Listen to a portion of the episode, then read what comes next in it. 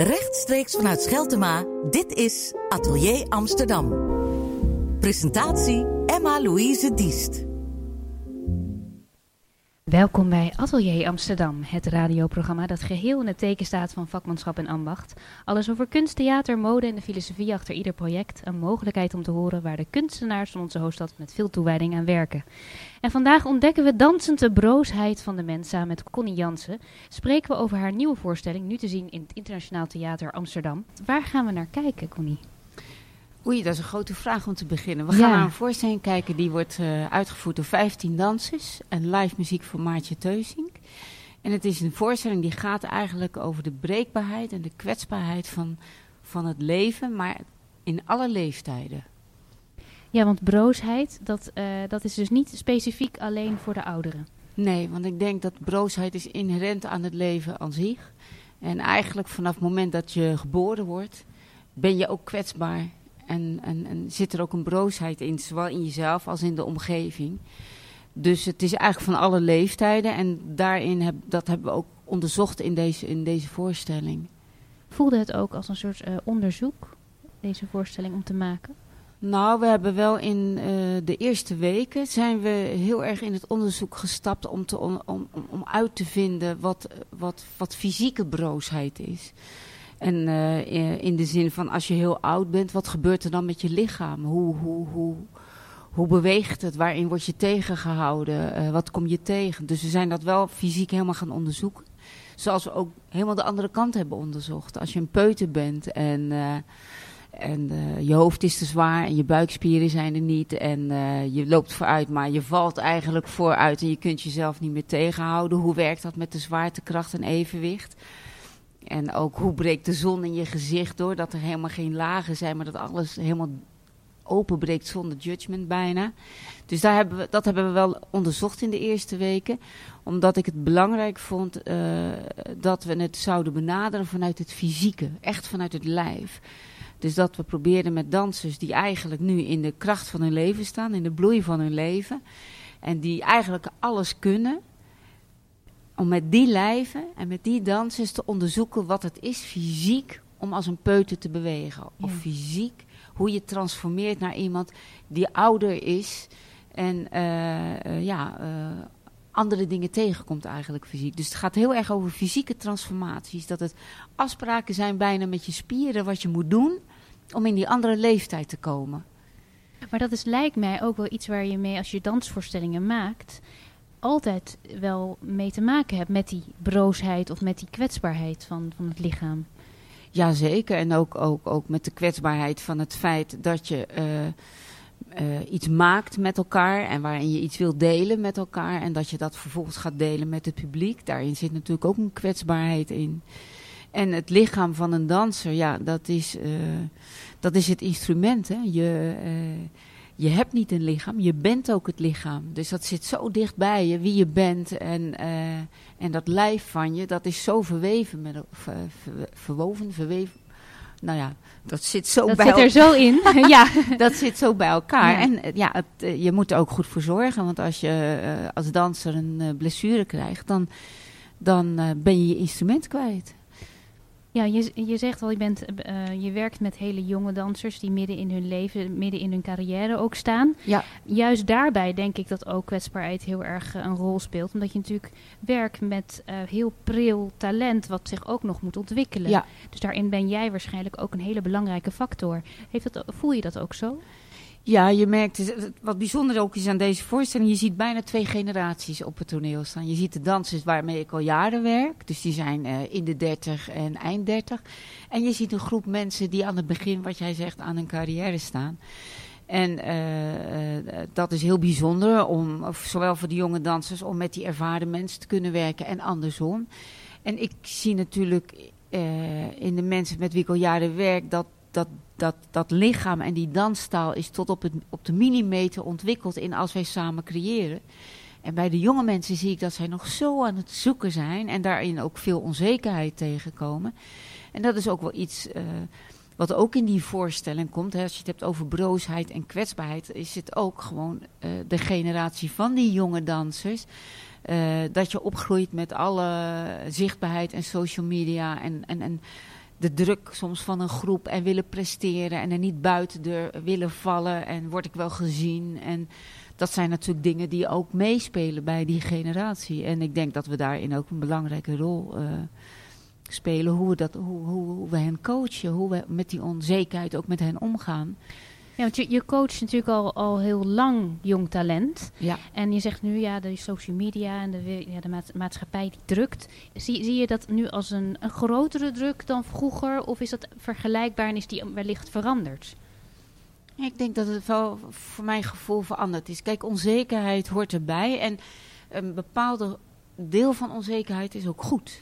Weet je, want dat maakt ook dat je blijft zoeken en dat je blijft leren en dat je uh, ja, je ontwikkelt. Als je denkt, nou, ik weet het al, maar ik ben er al en ik ga met mijn armen over elkaar zitten, dan sluit het en dan stopt je ontwikkeling. Dus onzekerheid is ook een motor om, om, om door te kunnen gaan. Het gaat eigenlijk om het niveau van die onzekerheid. Als die onzekerheid je gaat belemmeren. En, uh, en ik heb ja, het is natuurlijk gevaarlijk om te zeggen, maar wat, wat ik een beetje voel is, ja, ik, ik vraag me soms wel eens af, en daar praat ik ook veel met de jonge mensen over, waarom ben je nou zo onzeker? onzeker? Ik, ik zeg uh, uh, heel hard ja tegen jou en ik omarm jou met alles wat je kan. Uh, wanneer ga jij het eens tegen jezelf zeggen? Dus daar heb ik ook wel veel gesprekken over. En die gesprekken vind ik, voer ik vaker dan vroeger. Kan ook met mijn eigen persoonlijke ontwikkeling te maken hebben. Ik ben natuurlijk ook ouder geworden. Dus misschien dat je het ook nu meer ziet. Denk je dat er op dit moment voor jong talent genoeg ruimte is om die kwetsbaarheid te tonen? Nou, in het algemeen vind ik dat broosheid mag er bijna niet zijn. Hè? Uh, alsof het... Uh, uh, Onzekerheid als, als synoniem is als zwakte. Ja, ja, en alles is, uh, moet functioneel en afstreepbaar zijn. En uh, uh, naar een bepaald resultaat, het resultaat wordt afgerekend. Terwijl ik heel erg ben met de weg naar dat resultaat. Want daar zit je ontwikkeling in. En deze voorstelling Broos gaat, is ook eigenlijk een soort pleidooi voor die broosheid. Dat het er mag zijn. En dat we daar met meer compassie dat moeten kunnen omarmen. En ik denk dat we daar allemaal rijker van worden. En welke elementen heb je in deze voorstelling gebracht om die omarming wat meer duidelijk te maken aan het publiek? Uh, ik denk dat het, uh, wat je in de voorstellingen ziet, dat al die leeftijdsfases, om het even concreet te zeggen, al die leeftijdsfases die spelen door elkaar heen. Van uh, dansers die aan de ene kant heel jong verbeelden en aan de andere kant het hele oude verbeelden. En daar zit een soort simultaanheid in, het wankelen van het kind en het wankelen van een oude, weet je. Ehm, en tegelijkertijd zijn er ook de jonge mensen die uh, met heel veel energie die wereld willen veroveren en daar ook wel tegen grenzen in aanlopen. En uh, um, dat al die werelden met elkaar te maken hebben en tegelijkertijd er zijn. En dat vind ik belangrijk dat we dat ook ervaren, weet je. Want die oude mens die wij zien, die is ooit ook die peuter en die puber die niet wist wat hij moest doen met het lichaam en de eerste verliefdheid. En die jonge moeder geweest en uh, die vijftiger en die is nu negentig. Nou heb ik het nu even over mijn moeder. Uh, maar in dat oude menske zit ook nog al die andere verhalen, alleen die zien wij natuurlijk niet meer. En als wij daar meer oog voor krijgen, uh, nou ja, dan wordt de mens in al zijn kleuren misschien wat meer omarmd. Dus het is ook een, een pleidooi voor die compassie, om, om meer te kijken naar elkaar. En het is bijzonder ook om te zien met de dansers. Weet je, ik heb veel met hen gesproken over deze voorstelling, omdat het uitgangspunt is iets waar we veel naar moesten onderzoeken. Wat, eh, het begon eigenlijk uh, met het feit.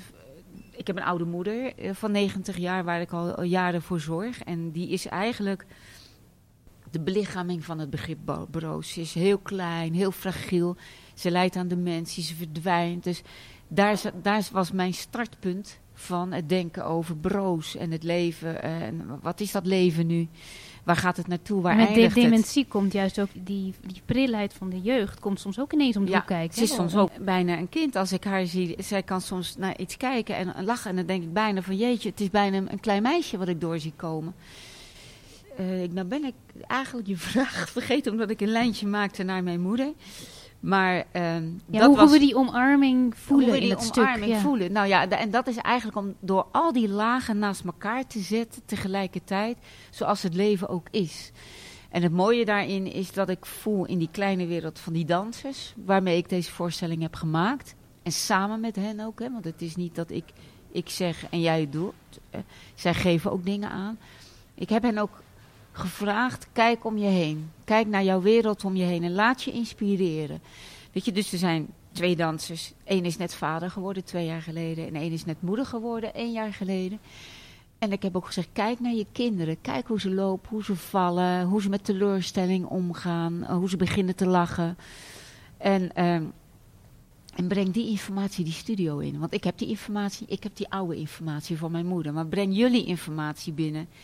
En dat, is, dat was een heel ja, ja, bijzonder eh, proces ook. Om te zien hoe iedereen er eigenlijk dat aan het opvreten was uit zijn omgeving. En hoe die informatie allemaal die studio binnenkwam. En de een die ging kijken naar zijn oma en de ander keek naar zijn opa en de derde naar zijn kind of naar zijn broer of wat dan ook. Je, je vraagt echt een hele hoop dan van je dansers, maar ook van jezelf tegelijk. Ja, ja, ja. Het zijn ook hele, uh, nou ja, broze en kwetsbare processen ook. Omdat doordat je op deze manier werkt en je gaat voorbij, hè, je, je wil echt iets vertellen of je wil iets met elkaar delen, laat je ook veel van jezelf zien. En dat is best eng. En zo'n dat, ja, zo'n eerste voorstelling, de allereerste try-out, is altijd een ramp. Want dan denk je, oh god, nu gaan mensen er naar kijken en er van alles van vinden. Maar het is voor mij de enige weg om iets te maken. Omdat het echt, uh, het echt diep uit je buik komt. En wat is voor jou dan belangrijk om die openheid te houden? Want het kan zijn dat in de hardheid ook van reacties en van de, van de maatschappij. Is, ligt dat op de loer waar, om, om gewoon maar gesloten te, te worden, om jezelf te beschermen? Hoe, hoe hou je jezelf open om nieuwe stukken te kunnen maken? Ja, kijk, ja, ik heb een mateloze fascinatie voor eh, de mens als uh, sociaal wezen voor mij, ja, uh, ik heb een soort lijfspreuk waarin ik altijd zeg van, ja, de mens is eigenlijk door, met, ondanks en dankzij de ander.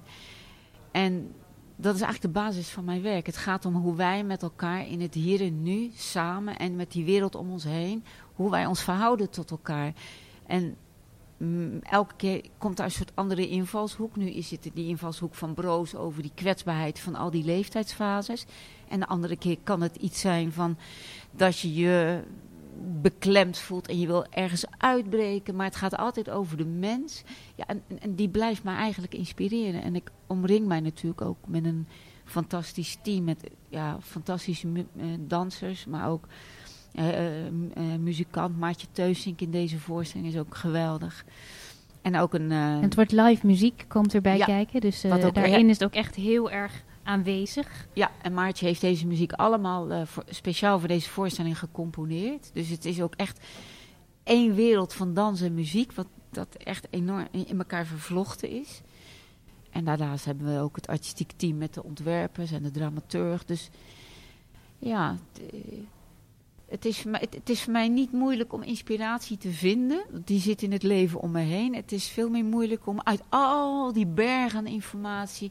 om een focus te krijgen. Ja, want dat staat daar tegenover natuurlijk. Die broosheid als je jezelf open moet stellen. Dat je jezelf zo openstelt dat er heel veel binnenkomt. Ja. Dus daarin moet je jezelf misschien ook een beetje beschermen. Ja, of het, of het, het binnen laten komen. En soms weet je genees dat je... Uh, je merkt vaak achteraf dat je al heel lang met een proces bezig bent.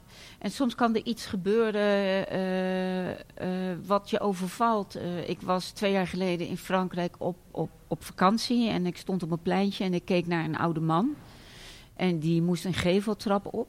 Dat waren iets van twintig treetjes. En die man stond beneden aan die geveltrap met zijn tas. En ik zag dat die deur twintig treden omhoog was. En ik denk, hoe gaat die man naar boven? En ik het was net wat de wereld even stil viel. Die man die stond daar en die elke trede die hij nam was een soort monument van concentratie, overwinningskracht. Uh, dus ik heb daar eigenlijk alleen maar naar gekeken. En, en je hebt hem ook gelaten? Ja, ik heb, hem, ik heb het zitten absorberen. En ik, daar is het begonnen, denk ik. En, of daar is het niet begonnen, maar toen realiseerde ik me wat er in me aan het gisten was. En dat is natuurlijk ook dat verhaal van die moeder, waar ik al zo lang voor zorg. Maar soms ik had een, een ding buiten mijn moeder nodig, die trigger, om dat ineens uh, wakker te maken. En daarin zijn de gesprekken met mijn dramaturg Judith Wendel en de, koorontwerper Thomas Rupert zijn ook heel belangrijk. Want die, om, om die focus te krijgen tussen al die informatie die je dan eigenlijk opzuigt uit de wereld. Daar zijn zij mijn sparringpartners in, weet je, om mij te helpen te zoeken naar, oké... Ehm, ja, want je kunt erin duiken, maar je kunt er niet in blijven natuurlijk, als je er iets mee wil maken. Ja, je dus zij trekken jou uit die situatie om het ja, zij helpen mij te formuleren van wat ben je aan het zoeken. Weet je, want dus voordat, de voordat ik überhaupt met de dansers ga repeteren, ben ik eerst heel veel informatie aan het zoeken. In, nou, op zo'n pleintje overvalt het me. Maar het kan ook zijn dat ik naar een museum ga of ik lees iets of uh, ik zie een tekst of film of theater. En dat, dat is een enorme brei, brei van dingen waarin ik veel schrijf. Geen gedichten, maar gewoon woorden, zinnetjes, kleuren, energieën schrijf. En dan ga ik beginnen met die dan. En dan heb ik gesprekken met Maartje over wat gaan we met de muziek doen. Wat zijn de thema's, wat voor klankkleuren gaan er in die voorstelling komen. Welke instrumenten. En dan ben ik in gesprek met de dramaturg. En dan, dan gaan we zoeken van oké, wat zijn nou houvasten? En dan komt het gesprek met de, met de decorontwerper. En die is aan het denken over een omgeving. Dus dat is ook alweer een kader. En langzaam ontstaan er een aantal lijnen. Of beginpunten eigenlijk, moet ik zeggen. En een van de beginpunten met Judith was het ontdekken van... oké, we gaan uit van drie werelden. Eén is die wereld van die hele jongheid tegenover die hele oudheid. De tweede wereld is de wereld van die dansers in de kracht van het hier en nu die al iets hebben gehad, maar die nog een hele wereld te, uh, leven te gaan hebben. En de derde wereld is van die jonge mensen die staan te vlammen en die het eigenlijk ook allemaal niet weten, maar je moet wel mee blijven doen. Dat zijn de drie werelden. En als je dat dan formuleert, dan geeft dat je in je hoofd een soort rust, een soort kader, om dan weer in vrijheid te gaan creëren. Ja. ja, en dan begin ik in de eerste week in de studio. En dan ga ik veel vertellen, veel laten zien aan de dansers. We hebben een theatervoorstelling zijn we samen gaan kijken. We hebben YouTube-filmpjes. We hebben, ik heb mijn moeder laten zien. Zij hebben hun kinderen laten zien. Weet je, we hebben heel veel gedeeld. Ja, en dan zijn we het fysieke onderzoek gestart. En langzaam gaat dat naar een proces van danstaal ontwikkelen. En zijn er dan onder uh, de gaandeweg al bepaalde bewegingen die je eigenlijk al ziet uh, voor ogen? Van nou, die moeten erin? Ja, ik had wel alsmaar ruggetjes. Ik wil ruggetjes zien omdat ik vind het zo mooi, weet je, dat, uh, dat, dat, dat dat krimpt bij oude mensen. En, en aan de ene kant, bij oude mensen krimpt het en dan komt die ruggengraat er zo uit. En vaak bij jonge kinderen is het helemaal open. Dus dat is, uh, en je dus begint natuurlijk al gekromd. Ja. En dan uh, groei je en uit. En dan, en dan opent het zich. dus het was uit. wel... Ja, en, en, en dat het, dat het uh, compact is. Hè? Dat het geremd is. En een beeld wat ik ook had, maar dat was meer van hoe ga ik met tijd om? Want tijd voor oude mensen, als ik met mijn moeder bijvoorbeeld, uh, uh, weet ik wat, ik zeg maar wat, even, even naar het toilet, dat kan niet. Dat woord even moet je uit je vocabulaire, dat kost 20 minuten voordat het allemaal gedaan is. Dus er kwamen ook heel veel beelden van mijn eigen opa terug. Weet je, dat hij dan een beetje met zijn armen op zijn rug op de straat een beetje zo zat te kijken hoe het leven aan hem voorbij ging. Als, als hij buiten op straat stond. Dus het is heel associatief dan. Dat je eerst met beelden begint en ook. En dat onderzoek van het lijf. Hè. Ik wilde dat de dansers eh, konden transformeren. Dat als we iets aan het maken waren en we zaten in een proces. En ik ben iemand die soms tijdens het maken nee zegt doe eens dit, doe eens dat. Ga eens daarheen en pak eens dit. Dat ik dan tegen kon, kon zeggen spring in tijd. 30 jaar ouder. En dat ze dat onderzocht hadden en in het moment wisten te transformeren naar die andere leeftijdsfase. Ja, en dan is het gewoon, ja, je gaat, ik weet niet waar we uitkomen. En dat is, ik ga maar op reis en al naar, uh, eigenlijk maak je bijna vier, vijf voorstellingen. En op een gegeven moment moet je het gaan kaderen en moet je het gaan tunnelen tot naar wat zijn we nu aan het maken. Ja. En, en dat is een heel intens proces, waar, wat ook heel, heel, heel uh, dicht op de dansers zit. Dus aan de ene kant is tijd heel belangrijk, maar aan de andere kant ook helemaal niet, als je het zo bekijkt. Want alle facetten van het leven kan je in iedereen vinden, bijvoorbeeld. Ja, het is natuurlijk, wij hebben het nu gezocht door die fysiek, door dat lijf te transformeren. En dat was ook een van de redenen waarom uh, ik met dansers wilde werken die nu nog in de volle kracht van hun leven staan. En niet, ik had misschien zo'n thema ook kunnen maken met verschillende generaties dansers. Maar ik vond het zo interessant om te kijken van wat gebeurt er met een lichaam wat nog helemaal vol is en met alles heeft. Hoe kan die toch dat kind in laten zien die die ooit geweest was? En hoe kan die dansen vooruitspringen in de tijd dat ik een vooruitblik krijg op over 40 jaar is die misschien zo, hij of zij, als ze het mogen meemaken. Dus daarom had ik dansers, hè, wilde, wilde ik niet die generatie in leeftijden in, in, in je ensemble brengen, maar moest het binnen het ensemble, moesten ze die transformaties kunnen doen. Hm. Om te zien dat in die danser van nu, die 40 is, was het zo'n kind. En hij kan misschien zo oud zijn. Om, om, om, om daarmee ook te laten zien, als je nu iemand ziet, als ik jou zie, nu, jij bent ook een peuter en een baby. En, en weet je wat, dat je ziet dat je, een, dat je een optelsom bent van alle dingen die in je leven gebeuren. Ja. En wij zien vaak alleen de buitenkant. Maar die binnenkant is zo belangrijk, dat we die ook zien. En zoals je gekeken hebt naar die man die die trap langzaam opklom. Um, daar heb je heel veel uit, uit kunnen halen. Heel veel uh, beginpunten van, van deze voorstelling. Ja. Kan je nu ook kijken naar je eigen voorstelling en daar ook weer nieuwe dingen uithalen? Uh, ja, nou ja, dat is heel grappig. Want ik moet uh, nu al de teksten aanleveren voor alle theaters voor de volgende voorstelling. En dat is dan soms heel erg moeilijk, omdat je nog zo in dit zit waar je nu mee bezig bent. En dus ik heb daar uh, uh, afgelopen weken, tot de première dacht ik, gaat niet, gaat niet. Ik, wil, ik, moet, ik moet in broos zitten. Ik, mijn, hele hebben en houden zat in die voorstelling. En dan moet je je daarna moet je eigenlijk een beetje openbreken. En um, toen dacht ik, ja, ik wil me afzetten. Ik wil me afzetten tegen die tunnel. En dat heeft denk ik een beetje met mijn persoonlijke leven te maken, omdat het met mijn moeder slecht gaat. Dus dat is een soort claustrofobische tunnel die alleen maar nauwer en nauwer wordt. En ik dacht, ik wil uit die tunnel, weet je wel. Ik wil eruit. Dus eh, toen dacht ik, daar moet mijn volgende voorstelling over gaan. Over wat er weer kan ontkiemen. Wat er weer, hoe je het leven weer omarmt. Hoe je het weer kan openbreken. Hoe je je kan wegvechten van dat wat je tegenhoudt. En dan is dit mijn inspiratiebron. Maar het kan alles zijn. Het kan ook zijn dat je in je leven iets tegenkomt wat je terugtrekt. En dat je moet vechten om te denken, hoe laat ik dat achter me en hoe kan ik door? Dus, dus je hebt hierbij eigenlijk jouw eigen broosheid gebruikt om, om dus weer iets nieuws te maken. Om weer, ja, om dat gevoel van dat, uh, dat, dat, hè, dat verstikkende wat ik ervaar... Uh, uh, niet in mijn werk, want mijn werk geeft me juist de lucht en de adem om dat privéverhaal te kunnen doen. Maar dat verstikkende van eigenlijk die zorg en die, die, die, die steeds intenser en intenser wordt, waarvan je weet er is geen escape mogelijk dit is de weg die ik met. Uh, zij zal niet, het zal niet ineens goed gaan, dat gaat alleen maar slechter. En ik dacht, hoe kom ik uit die verstikking? Toen dacht ik, ik heb mijn thema voor de volgende voorstelling. En die gaat Kiem heten, over het ontkiemen van nieuwe energie en nieuwe gedachten en het omarmen van het leven weer.